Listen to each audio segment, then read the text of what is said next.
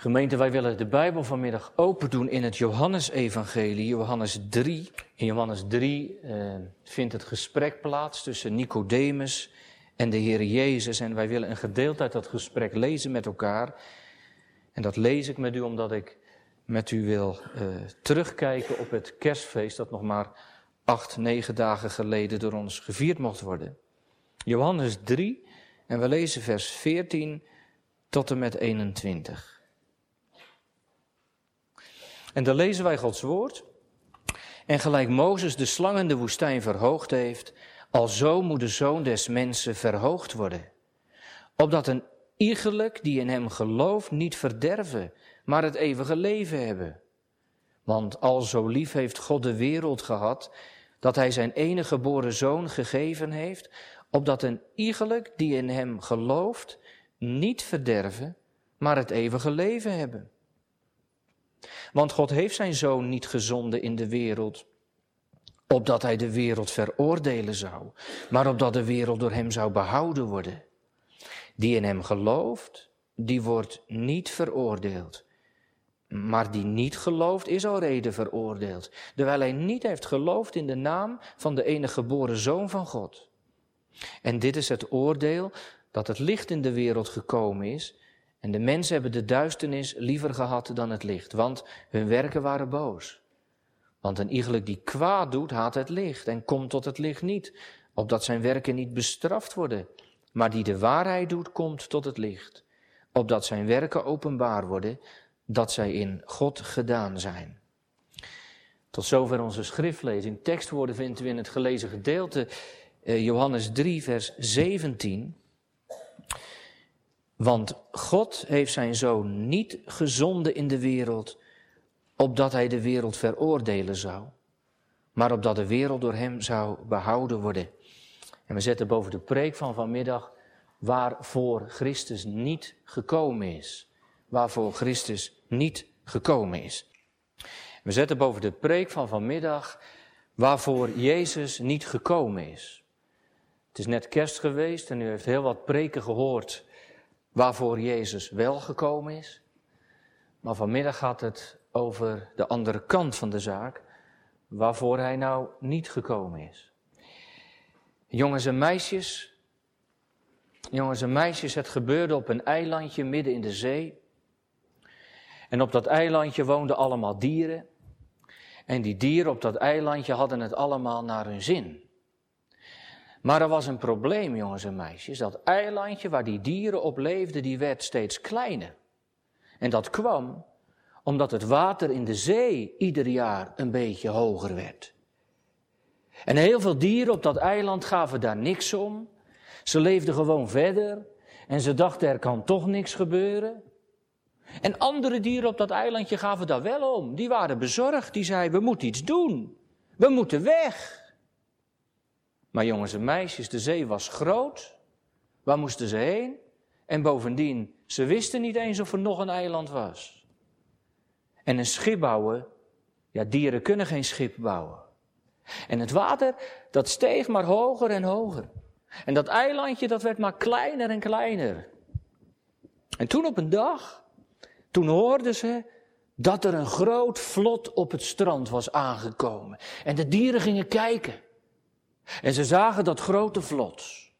Groot genoeg om met z'n allen op mee te kunnen varen. En er stond iemand bij dat vlot en die zei, jullie mogen allemaal mee. Allemaal. Ik breng jullie naar een nieuw eiland. Want het gaat niet goed. Heel jullie eilandje gaat onder water lopen en dan verdrinken jullie. Maar sommige dieren waren bang.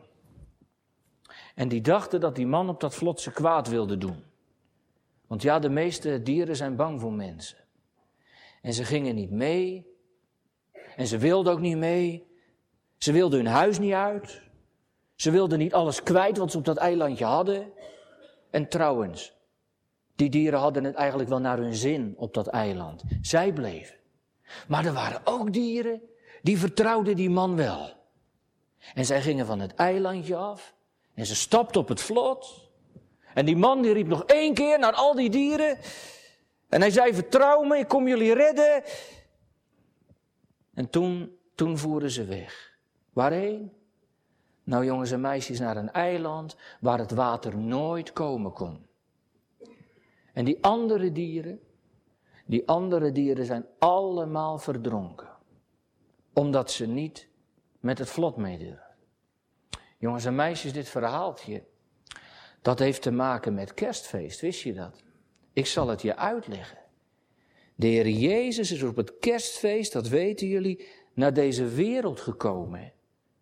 En wat kwam hij nou doen op de wereld? Dat weet je toch? Hij kwam om te redden. Hij kwam om mensen mee te kunnen nemen naar zijn vader, naar de hemel. Echt waar. Net als die man die met dat vlot op dat eiland kwam. En deze wereld, jongens en meisjes, moet je goed luisteren hoor, deze wereld waarop wij leven, die gaat een keer voorbij, echt waar. Die gaat een keer voorbij. Maar weet je wat de Heer Jezus zegt? Hij zegt, ga je met mij mee? Geloof in mij en vertrouw mij altijd. En als je dat doet, dan ga je naar de hemel. En als je het niet doet, dan ga je naar de hel. Dat lijkt op dat verhaaltje. Probeer het maar te onthouden. Gemeente, simpel verhaaltje. Misschien vindt u het wel een beetje te simpel. Zou zomaar kunnen. En toch, toch gemeente, het evangelie van kerstfeest, wat u heeft gehoord, dat zou wel eens van een grotere eenvoud kunnen zijn dan u en ik vaak denken. Zo eenvoudig dat een klein kind het kan begrijpen. En in Johannes 3 gemeente, dat gedeelte wat we vanmiddag hebben gelezen, daarin maakte de Heer het trouwens ook heel eenvoudig. En dat nota bene voor Nicodemus. De Heer Jezus gemeente, dat weet u wellicht, die, die is hier in Johannes 3 in een nachtelijk gesprek verwikkeld met Nicodemus. En Nicodemus gemeente, die, die is niet van gisteren. Nicodemus is een leraar Israëls. Dat zegt de Heer Jezus zelf in, de, in vers 10. Zijt gij een leraar Israëls? Nicodemus gemeente, die is een van de grootste geleerden eh, van het Israël van toen. En als fariseer is hij ook nog lid van de Hoge Raad. Nee, eh, die Nicodemus, die is niet de eerste de beste.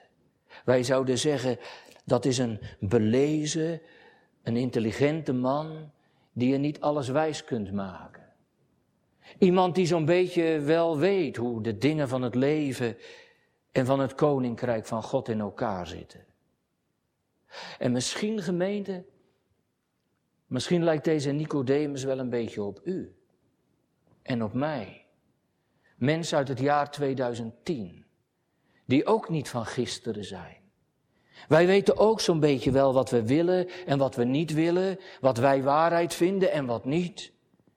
En we laten ons ook niet zo gauw iets wijs maken, ook niet in de kerk. We zijn kritische luisteraars geworden. En juist aan zulke mensen, gemeente, gaat de Heer Jezus in uiterst eenvoudige taal duidelijk maken waarvoor Hij gekomen is. Het lijkt wel alsof Hij met Nicodemus, maar ook met ons, oneindig diep afdaalt tot het niveau van een kind. Waarvoor ben ik nou gekomen? Nou ja, eigenlijk gemeente, als we bij onze tekst zijn aangeland, gaat Christus daar duidelijk maken waarvoor hij niet gekomen is. Waarvoor ben ik niet gekomen? En u moet weten, gemeente, dat, dat de Heer Jezus dat wel vaker heeft gedaan. Kijk, wij zijn heel erg gewend te horen waarom Christus gekomen is en voor wie en wat hij doen kwam. Maar wist u dat de heiland heel wat keren zegt? En daar en daar ben ik niet voor gekomen. Ik ben niet gekomen, het is geen kerstfeest geworden om te roepen rechtvaardigen. Dus ik ben niet voor de rechtvaardigen gekomen. Voor mensen die denken uit zichzelf het aan het rechte eind te hebben. En op een andere plek zegt Jezus, denkt niet dat ik gekomen ben om vrede te brengen op aarde, maar het zwaard. En, en weer op een ander plek meent niet dat ik gekomen ben om de wet en de profeten te ontbinden, maar om die te vervullen. Ik ben niet gekomen om. En die gezond zijn hebben de medicijnmeester niet nodig. Daar ben ik niet voor gekomen. Voor gezonde. En deze tekstgemeente die wij in Johannes 3 lezen, is één van die teksten. Waarvoor Christus niet gekomen is. En hij zegt het tegen Nicodemus heel puntig. Nicodemus, ik ben niet gekomen om te veroordelen. Jawel, de tekst laat er direct op volgen. Maar ik ben gekomen om deze wereld te behouden. Zeker. Gemeente, dat is het reddingsvlot. Daar kom ik straks nog op terug, uiteraard. Maar eerst dat eerste. Ik ben niet gekomen om deze wereld te veroordelen. En gemeente, bent u het met me eens vanmiddag dat, dat zo'n tekst eigenlijk wel een beetje opmerkelijk klinkt? Uh, Nicodemus weet één ding. Ik ben niet tot deze wereld gezonden om deze te veroordelen. Misschien zegt u, nou, nou dat is nogal wie dus. Natuurlijk is Christus niet gekomen om de wereld te veroordelen. Natuurlijk niet. En dat zou Nicodemus toch moeten weten. Nou, is dat wel zo natuurlijk, gemeente? U, moet weten dat, dat in het Jodendom van die dagen, dus in het Jodendom van de dagen van de Heer Jezus, ging men ervan uit dat als de Messias zou komen, dus wanneer de Heer Jezus zou komen, dat dat, dat oordeel vellen, dat dat juist wel zijn werk zou zijn. Dat dachten ze, daar leefden ze uit. Als de Messias zou komen, weet je wat hij dan zou doen? Dan zou hij de heidenen verdoemen. Allemaal. De volkeren van deze wereld, waarover Psalm 2, 2 zegt, die woelen en die bedenken ijdelheid. Nou, als de zoon des mensen zou komen, dan zou de grote uitbetaling plaatsvinden. En die dag des Heren gemeente, want zo werd die dag genoemd. Die dag des Heren was niet een dag om je over te verheugen, maar om te vrezen. En de profetie van Amos werd dan aangehaald. Waartoe toch zal uw lieden de dag des Heren zijn? En die dag des Heren gemeente, want anders begrijpt u het niet, die dag des Heren, eh, die werd in één adem genoemd met de komst van de Messias. Dus waartoe zal de dag des Heren zijn? Voor u en mij, voor heidenen. En dan zegt Amos, hij zal duisternis wezen en geen licht. Nee, gemeente, de komst van Jezus zou niet bepaald een vreugde zijn voor de wereld.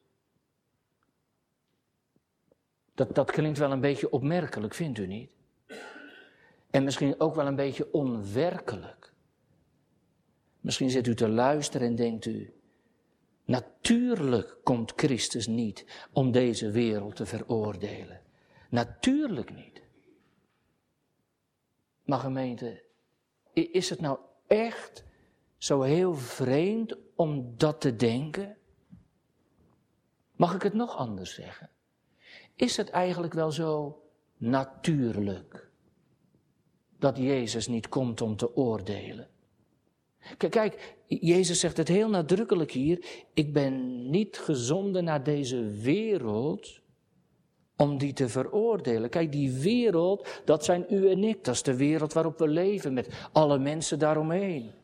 En die wereldgemeente, die wereld, die krijgt in de Bijbel een alles behalve positieve bijklank. En beschrijving toch? Wereld, daar bent u nog niet aan gaan wennen in de loop van de tijd. Ja, we zijn van de wereld. Dat is nou eenmaal zo. Nou ja, dat is nou eenmaal zo. Jezaja gemeente zegt het heel, heel ernstig. Hij zegt, eh, jullie zijn een volk dat in duisternis wandelt. En in Jezaja 9, eh, wij wonen in het land eh, van de schaduw van de dood. Dat is niet niks. Dat betekent gemeente, de schaduw van de dood, omdat je zondaar bent, ligt over je leven. En die schaduw heb je aan jezelf te wijten. Daar woon je, in die wereld, die van God verlaten en die van God vergeten wereld. Omdat ze zich buiten het heil heeft geplaatst. Nee, niet omdat God je daar gezet heeft, maar omdat die wereld zich daar eh, buiten gezondigd heeft. Een, een volk dat woont in het land van de schaduw. Mag ik iets vragen? Heeft u heeft u zichzelf daar wel eens zien zitten? Dat, dat is toch wel een, een belangrijke vraag. Heb je jezelf wel eens zien zitten in het land van de schaduw van de dood? En ben je daarvan geschrokken? U zegt nee, ik, eh, als ik heel eerlijk ben vanmiddag, ik hoorde wel vaak over preken en zo, maar ik, heb me daar eigenlijk niet echt zien zitten. Ook niet op het kerstfeest. Misschien was je daarom wel niet zo verwonderd op het kerstfeest. Maar gemeente, al, al zie je jezelf daar niet zitten, God ziet u daar wel zitten. En, en hij ziet daar mensen zitten die er helemaal niet mee zitten.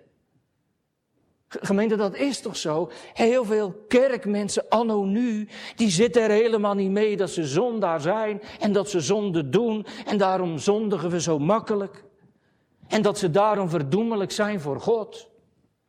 Maar beseft u het wel eens?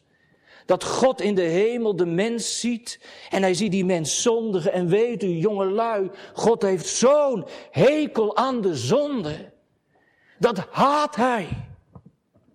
Daar kan hij niet tegen. Hij kan het niet zien. Dat gaat zo tegen hem in. Zonde is als het ware God vervloeken. Zonde is alles wat God niet is. Want Hij is licht, maar zonde is duisternis. En Hij is het leven, maar zonde is de dood. En dat is niet niks. Zonde, gemeente, dat kleeft aan wereld. En weet je wat Ezekiel zegt? Het is altijd een tekst die mij persoonlijk erg raakt.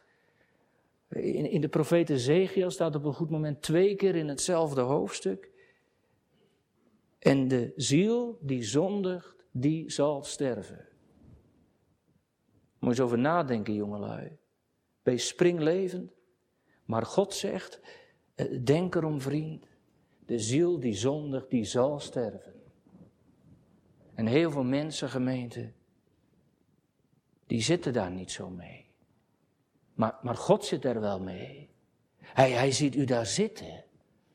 Psalm 14 zegt dat ook. Psalm 14 zegt, de, de Heer heeft uit de hemel nedergezien op de mensenkinderen.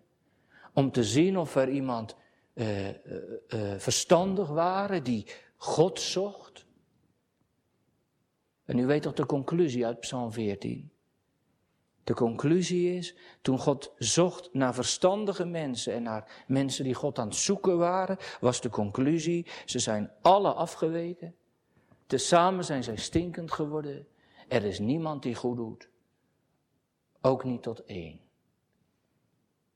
U vindt het toch niet te somber vanmiddag? Of gaat u zeggen, nee, wacht even Doom, ik heb, uh, ik heb God wel gezocht. 2009. Ik was een vrij verstandige man en een vrij verstandige vrouw. En ik heb er in mijn leven werk van gemaakt om God te zoeken. Werkelijk waar. Als God uit de hemel zou hebben nedergezien op u, had hij dan een zoekend mens gevonden?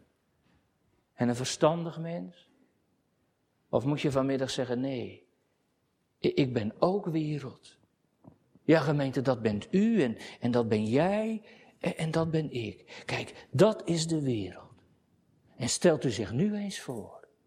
Nou is dat de wereld en u gaat plotseling de hemel open. Plotseling gaat de hemel open. En de heerlijkheid des Heer omschijnt je. En die hemelse glans en majesteit, die, die schijnen dwars door je heen. Stelt u voor dat dat gebeurt. Want dat is toch kerst? Gemeente, wat heb je dan te verwachten? Zegt u, nou ja, Nou komt God me natuurlijk redden. Oh ja, natuurlijk. Moet u zich eens voorstellen. God ziet je zoals je bent. Met heel je levensboek, met heel je historie, met alles wat je doet en laat. Met alles wat je ogen hebben gezien en je oren hebben gehoord en je handen hebben gedaan. Weet je wat dat voor een gevoel is, jongelui? Als dan de hemel plotseling open gaat. Weet je wat dat voor een gevoel is, jongelui? Dat, dat is dit gevoel. Uh, jij doet iets uh, waarvan je vader of je moeder zeggen dat je dat niet moet doen. Daar hebben ze een absolute hekel aan. En ze zeggen tegen jou dat fout is. En ze willen het niet hebben. En ze zeggen ook tegen je dat het niet past bij het leven van het geloof en bij je doop. Nou ja, maar jij doet het gewoon. Kan jou het schelen? Nee, niet als ze er zijn. Je wil ze niet schofferen. Zo ben je dan ook wel weer. Maar als ze het niet zien en er niet zijn, dan, nou ja, dan kan jou het schelen. Maar stel je eens voor, je bent daarmee bezig. Eh, verzin zelf maar wat het kan zijn. En plotseling, terwijl je dat aan het doen bent, staat je vader voor je of je moeder. En hij kijkt met je mee. En hij luistert even mee. Of hij ruikt wat je aan het doen bent. Ken jij dat gevoel? Dat, dat gevoel van, je gaat door de grond heen. Nee, vraag niet aan jou of je je daarvoor schuldig voelde, nog voor geen meter. Maar toen je vader je zag en je moeder er was, toen ging je door de grond. Weet je wat dat voor een gevoel is? Een je bent erbij gevoel. Je bent erbij gevoel. Even aan de jongens en meisjes uitleggen. Jongens en meisjes, dat heb je wel eens, zo'n gevoel van, ik ben erbij. Dat had ik vroeger een keer. Ik zal het jullie uitproberen te leggen. Ik heb een broer. En mijn broer en ik hadden vroeger allebei een bootje gekregen. Een vissersbootje. Hoe kan het ook anders? En op dat vissersbootje zat een mast en een net en een anker. Maar mijn bootje was natuurlijk weer kapot. Want zo ging het heel vaak. Ik liet het vallen of zo, of ik trok het weer te hard door het water. Nou ja, mijn bootje was kapot. Eh, de mast was gebroken. En mijn broers bootje, dat was natuurlijk weer heel. Want zo ging dat ook altijd. Die, die was heel mooi. En hij zei dat iedere dag tegen mij. Mijn boot is nog heel. Ja, mijn kapot. En, op een dag zat ik in eh, de schuur, eh, zat ik te timmeren. Ik zat iets te maken en die bootjes die stonden er ook. En ik dacht dat ik alleen was. En ik zat zo te timmeren, op, ik zat iets te maken. En hier stond het bootje van mijn broer, waar het psalmboek ligt. En ik deed zo. Per ongeluk. En uh, ik dacht, nu heeft hij ook geen mast meer. En, en, toen ineens, toen ik verder wilde gaan, toen hoorde ik ineens achter mij: hey, wat doe je nou? Dat was de stem van mijn vader. En toen was ik er geweest, dat snap je wel. Ik zou je de rest van het verhaal besparen. Maar de, jongens en meisjes eh, eh, snappen wel hoe dat voelde. Dat voelde niet goed, hè. En het was ook echt verkeerd. Jongens en meisjes, dat heb je met de Heere God ook wel eens. Ineens, ineens laat de Heere God je zien wat je doet. Doordat je moeder dat zegt of je vader. En dan voel je dat het echt fout is. Dat kan zomaar gebeuren. Gemeente, een kind begrijpt het. Maar nu gaat het niet over je vader en moeder. En daar mag u terecht om glimlachen vanmorgen. Dat doe ik ook. Maar nu gaat het om de zoon des mensen. En maak van de zoon des mensen gemeente die met kerst is gekomen. Maak van hem geen halfzachte weldoener. Gebeurt dat niet heel vaak? Dat we van de Heer Jezus Christus, mag ik het zo zeggen gemeente, een soort teddybeer maken. Die je kunt knuffelen met kerst. En die je erbij kunt nemen als je dat fijn vindt. Maar dat moet u van Christus niet maken. We, weet je wat Psalm 2 zegt? Daarom zongen we hem daar straks. Psalm 2 zegt: Pas maar op als je die zoon tegenkomt. Pas maar op. wat stond er? Wanneer zijn wraak, dat gaat over Jezus, hè? Wanneer zijn wraak, getergd door uw gedrag, u onverhoed zou met haar gloed verteren, tot staving van zijn lang gehoond gezag. En stel je dan voor, hè, het is kerstfeest en je bent herder in de velden. En ze lagen bij nachten. En bij het knappende kampvuur van je rustige leventje, dat alles behalve heilig is, gaat plotseling de hemel open. Gemeente, dan zou je toch terecht denken, dit is het einde. Ik snap die mannen wel. Van hen staat, en zij vreesden met grote vrezen. Nee, niet alleen omdat ze schrokken van het licht, maar omdat ze in het licht stonden. En gemeente, dan is het toch niet logisch als iemand tegen je zegt, vrees niet. U bent eraan gewend geraakt, hè? Lucas 2.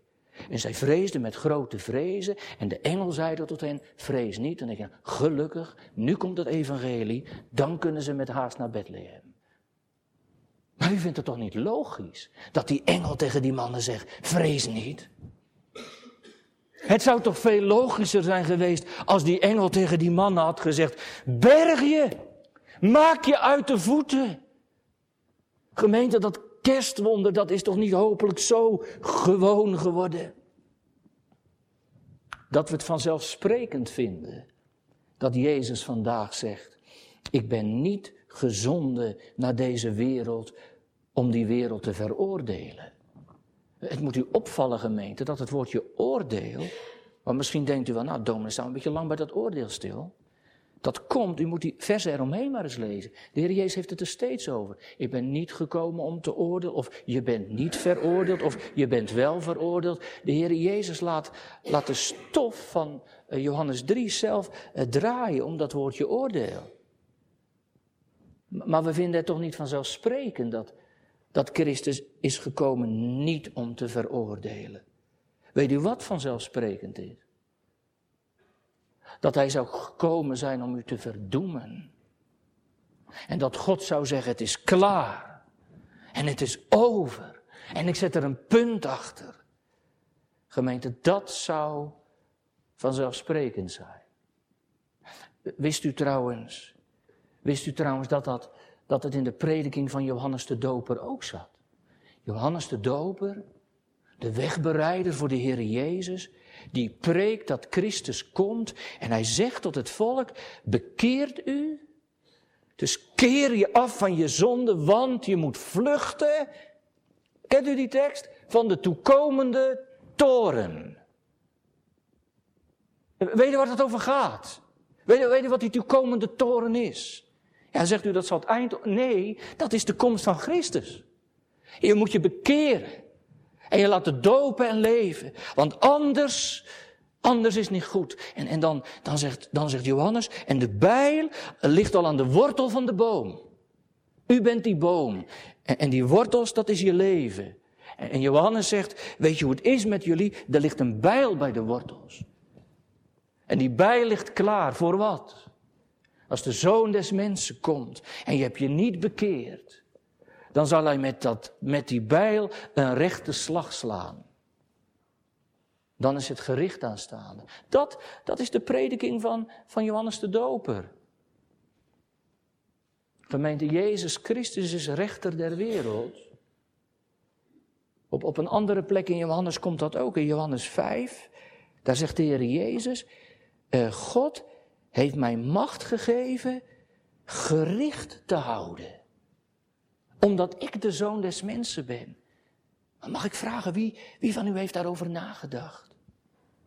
Bij dat kind in de kribbe. Dat kind in de kribbe heeft mij toegeroepen. Je moet je bekeren. Anders ben ik alleen nog maar een rechter. Want het oordeel is mij gegeven. Dat is Johannes 9. Daar zegt Jezus, ik, ik ben gekomen, daar heb je het weer, ik ben gekomen tot een oordeel in deze wereld. En begrijpt u nu waarom die tekst, Johannes 3, vers 17, een geweldig wonder verwoordt? Hoort u dat? Ik hoop dat u dat vanmiddag met me meemaakt. Dat je aan het eind van de preek niet meer zegt, ah, dat is logisch. Dat hij niet komt om te oordelen. Maar dat je tegen jezelf zegt, dat is een wonder. Dat is een wonder dat hij niet komt om te oordelen. En, en, en Jezus zegt tegen Nicodemus, dat is het enige niet. Daar is niet alles mee gezegd. Ja, alles pleit ervoor om het oordeel te vellen. Maar wie vandaag de schrik om het hart slaat, die krijgt te horen, vrees niet. Gemeente aan die woorden vrees niet heb je niks als je nooit vreest. En aan het kind van de kribbe heb je niks als je niet met het oordeel zit. Wie vandaag de schrik om het hart slaat, die hoort vrees niet. Of om het met de woorden van een kinderlied te zeggen, uh, je, je hoeft niet bang te zijn, al gaat de storm tekeer. Kijk, als de storm tekeer dan ben je bang.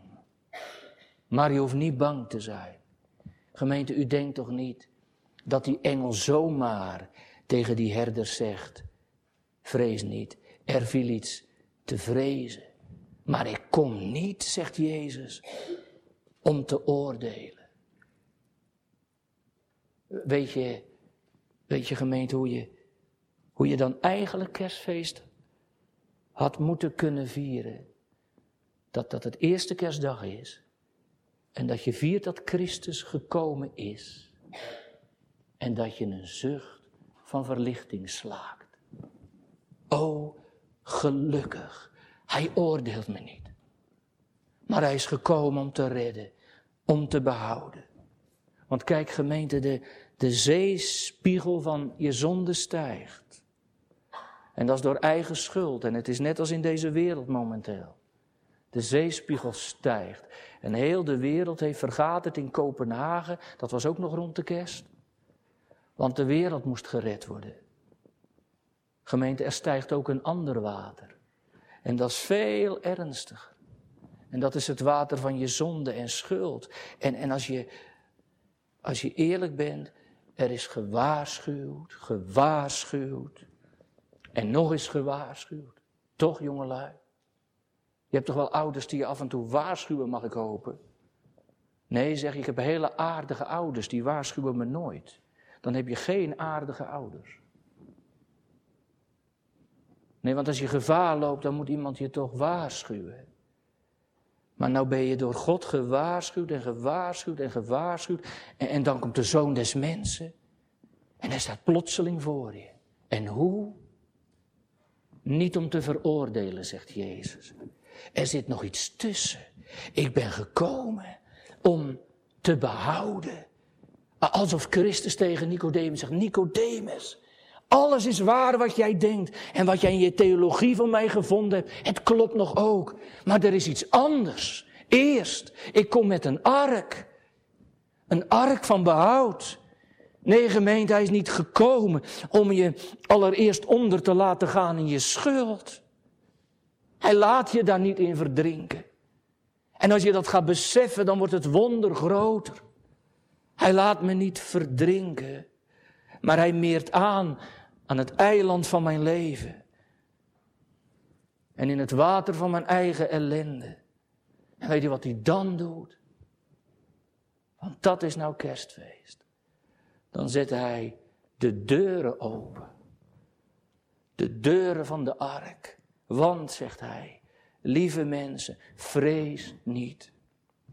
Ik ben gekomen opdat de wereld door mij behouden zou worden. Dat is mijn doel. En in dat woord behouden gemeente zit in de grondtaal eh, de betekenis redden. Dus behouden, dat, dat is redden. Uh, hij komt je redden. Uh, hij komt je uit je nood opwissen. er is iemand gemeente die, die de handen naar je uitstrekt. Dat is kerst. Sterker nog, hij zegt, daarvoor ben ik gezonden. Daarvoor ben ik gezonden, moet u nagaan. God in de hemel, diezelfde God uit Psalm 14. Die uit de hemel nederzag of iemand verstandig waren die God zocht. En hij vond er geen, weet u nog? En toen zond hij zijn zoon om te behouden. Snapt u het nog? Ik het niet. Als je het niet snapt, dan heb je het vandaag begrepen. De Heer Jezus zegt tegen Nicodemus, Nicodemus, ik ben van de reddingsbrigade. En mijn boot heet de ark van het behoud. En ik kom niet rechten, maar ik kom redden. Dat is mooi, hè? Dat wordt pas echt mooi gemeend als je die, als je die spanning er vandaag in voelen mag. Maar mag ik het zo zeggen? Het is de, het is de intentie van God om u te redden. Dat is de intentie van God. Ik, ik wil je redden door mijn kind. En hoe dan? Nou, door je vrij te kopen van je schuld. En door de, door de straf van dat stijgende water op mijn kind te laden. Want er gebeurt wel wat. Hè? Die reddergemeente, die redder die gezonden wordt, die verdrinkt in het water. Dat door uw en mijn schuld ons aan de lippen komt. Hij verdrinkt erin. De zoon des mensen laat zich erin verdrinken. Zo kom ik behouden, zegt de Heer tegen Nicodemus. Want zoals die slang aan de, in de woestijn verhoogd is, zo zal de zoon des mensen verhoogd worden, gekruisigd worden. En weet je wat er dan gebeurt, gemeente, in de kruisiging? In de kruisiging van Christus gaan al Gods golven en baren gaan over hem heen. Dat is die wonderlijke ruil. De rechter wil eerst redder zijn. Hij verdringt. Ik kom om u te behouden. En dat behoud gemeente, dat, dat biedt hij wereldwijd aan. Ja, want hij heeft in mensen een welbehagen. En hij is gekomen naar een wereld verloren in schuld. Hij doet dat met geduld en barmhartigheid. En weet u, zeer persoonlijk. Wist u dat? Want kijk, er staat, hè, er staat dat de Vader hem heeft gezonden. gezonden. U, weet, als je iets zendt, dan doe je dat doelgericht. Hè? Dat snapt iedereen. Dat snappen de kinderen ook. Even uitleggen. Jongens en meisjes. Jongens en meisjes, met de kerst en oud en nieuw hebben jullie kaarten gekregen? Hebben jullie ook veel kaarten gekregen? Veel? Ja, toch? Kon de postbode brengen. Gezegende kerstdagen en een voorspoedig nieuwjaar. En misschien heeft je moeder ze wel allemaal opgehangen aan een lintje. Of in een mandje gedaan. Maar ik heb een vraag aan de jongens en meisjes. Hoe weet de postbode dat ome Kees die ergens woont, hoe weet de postbode nou dat dat kaartje bij jullie door de bus moet? Nou, dat is een makkelijke vraag. Want dan zeg je, nou, dat is makkelijk, dominee. Want op die kaart staat niet alleen de groeten van ome Kees, maar er staat ook op ons adres en onze straat en ook het nummer. En als dat fout is, dan, dan wordt die kaart soms nog fout bezorgd. Als dat goed is, dan wordt die kaart door de uh, postbode bij ons door de bus gedaan. Ja. Weet je wat de Heere God heeft gedaan, jongens en meisjes? En ik bedoel het heel eerbiedig hoor. De Heere God heeft de Heer Jezus opgestuurd naar de mens. Dat staat vandaag in de Bijbel. Hij heeft hem opgestuurd en heeft hem ook naar jou toegestuurd. En naar papa en mama en naar ons. Gemeente, dat is gezonden zijn. Hij heeft een zending van de hemel gemaakt. En die zending was zijn kind. En zeer persoonlijk meert hij op het kerstfeest in je leven af. Om te behouden, zegt de heiland. Met zeer veel geduld en barmhartigheid. Gemeente, daar, daar zou je je eigen geduld en barmhartigheid eens naast moeten zetten. Stel, stel dat de Heer Jezus komt om te redden en hij was net zo geduldig als u. Weet je wat die discipelen een keer doen? De Heer Jezus is onderweg een keer naar Jeruzalem. En eh, dan willen ze in Samaria, In een Samaritaanse stad willen ze uh, blijven slapen, onderdak krijgen. En dan die Samaritanen, die uh, doen dat niet, want ze hebben een hekel aan mensen die naar Jeruzalem gaan. Ik zal u dat niet helemaal uit de doeken doen, hoe dat zit. Maar die discipelen, die discipelen worden woedend. Bij hen is de koek op en dan lees ik in Lucas 9, Heere, wilt u dat wij zeggen dat er vuur uit de hemel nederdalen en deze verslinden, gelijk ook Elia gedaan heeft? Bij die discipelen, het zijn net mensen, is het geduld op. Er is nu genoeg genade bewezen aan die Samaritanen. En dan staat er zo heel nadrukkelijk in het Lucas-evangelie, maar maar Jezus zich omkerend. Gemeente, als dat er staat, hè, dat hij zich omkeert, dan is er iets aan de hand. Bestrafte hen en zeide, gij weet niet van hoedanige geest gij zijt.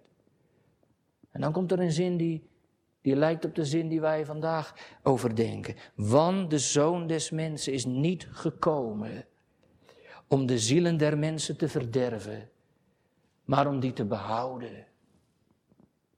Gemeente, dat is nou de barmhartigheid en het geduld van Christus. Ik kom om te behouden. En, en ik hoop dat u daarin de, de diepe bewogenheid hoort. Gemeente kerstfeest, hè, dat is een feest geweest van, van diepe bewogenheid. En hoort u dat ook? God is genegen je te behouden. En Christus meert aan op het eiland van uw ondergang. En zijn komst is gericht op redding. Maar, maar daar zit ook het kritieke punt. Want het is heel spannend, gemeente. God zendt zijn kind tot behoud van u en mij. Dat is vast en zeker. Maar tegelijkertijd is dat ook, zegt Jezus, het scharnierpunt. Rekent u erop dat kerstgemeente het feest is van de scherpte. Wij hebben er een zoetsappig volksfeest van gemaakt. Maar kerst, hè, dat is het feest van de scherpte. Weet u waarom? Het vraagt om geloof. Het vraagt om overgave. Johannes de Doper zegt, het vraagt om bekering, verandering van je leven. Het vraagt om erkenning van je nood. Het vraagt om een vluchten naar Jezus. En, en doe het haastig, want dat zegt de engel, je moet je haasten. Want morgen kan te laat zijn. En zij gingen met haast. Gemeente, haast u om uw levenswil. Jongelui, stel niet uit. Vlucht uit je zondige bestaan. Of zoals een kinderliedje zegt, en dan past dat mooi bij dat beeld van die ark. Kennen jullie dat liedje, jongens en meisjes? Kom aan boord. Ook voor jou is er een plekje waar je hoort. Kom aan boord. Ga, ga door het geloof dat God zelf schenken wil die ark van het behoud binnen. En, Jezus zegt, en, en, daar wordt het spannend, wie, wie komt, eh, dus wie gelooft, die is behouden. Dat is een wonderlijk, hè? Kijkt u maar in uw Bijbel, er staat niet die wordt behouden, maar die is behouden. Dus wie, wie gelooft, die is behouden, die, die is gered. De Heer Jezus herhaalt het later ook nog een keer. Zegt hij, voorwaar, voorwaar zeg ik u, die mijn woord hoort en gelooft hem die mij gezonden heeft, die heeft het eeuwige leven. Niet die krijgt het, die heeft het. En, en, en die komt niet in de verdoemenis, maar is uit de dood overgegaan in het leven. Wie gelooft, is behouden. Maar daar zit ook het, daar zit ook de keerzijde aan vast. Dat noemt de Heer erbij. Eh, kerst heeft een keerzijde. Wie, wie niet gelooft, gemeente, wie zich de nood van zijn leven niet bewust wordt. En zich niet bewust wordt van de redding die hij schenkt. Eh, die blijft buiten de ark. En Jezus zegt heel scherp, die is al reden veroordeeld. Hetzelfde, hè? niet die wordt veroordeeld, maar die is veroordeeld. Dan zit je hier vanmiddag in de kerk en dan kun je het weten. Of je behouden bent of reeds veroordeeld bent. Gemeente, zo scherp ligt het. Je wordt veroordeeld als je niet gelooft. Weet u waarom? Misschien denkt u, ja, maar dat oordeel komt toch later? Kijk, in dat beeld van dat eiland, als je op dat eiland van je zonde blijft, dan zit je in je ellende. Dan zal het water van het oordeel je overspoelen, om maar een beetje in beelden te blijven spreken. Dus dan ben je veroordeeld. Want stijgen doet dat water. De, de, gemeente, dan zit je in de dode cel, al ben je nog springlevend. Je leeft wel, maar meer ook niet. Je eiland zal onderlopen. Het oordeel is geveld, gemeente. En, en als dan de dag komt dat je sterven moet en dat eiland verlaten moet, dan ontmoet je in Christus geen behouder meer. Maar dan is hij inderdaad die rechter, die dan nog maar één ding tegen je zeggen kan. En dan spreekt hij zijn vader na: Ga weg van mij. Ik heb je nooit gekend. Je bent dan veroordeeld, gemeente, als Christus opnieuw komt, dan is hij alleen nog maar rechter. En dan is die tijd van redding voorbij. En eigenlijk is de vraag aan het eind van deze preek: wat wilt u nou? Wat wilt u nou? Dat kerstfeest dat u gevierd hebt, gemeente, dat kind van de kribbe stelt u een indringende vraag. Wat wilt u nou? Bekeer je en leef. Maar dan moet je wel van dat eiland af. Dan moet je dat oude leven achter je laten en breken. Of blijf je daar en bekeer je niet? Gemeente, wat wilt u nou? Ja, zegt u, wat, wat, eh, wat wil ik nou? Mag ik tot slot iets anders zeggen? Ik weet niet wat u wil. Ja, ik weet wel dat een mens nooit wil. Dat weet ik wel. Maar ik weet zeker wat God wil. Want daarvoor heeft hij zijn enige geboren kind gezonden. Hoort u maar. Weet u wat God wil? En ik lees het gewoon voor, opnieuw uit Johannes. Daar zegt Jezus. En dit is de wil van degene die mij gezonden heeft. Dat een iegelijk die de zoon aanschouwt en in hem gelooft, het eeuwige leven hebben. En ik zal hem opwekken ten uiterste dagen. Gemeente, dat is wat God wil. En weet je wat God wil? Dat is wat we gaan zingen. Hij wil dat de storm in je leven gaat bedaren. En dat de golven zwijgen stil. En dat er vreugde komt. En dat de verslagenheid in je leven wijkt. En dat God je leidt naar die veilige haven. We gaan zingen naar die begeerde haven. Amen.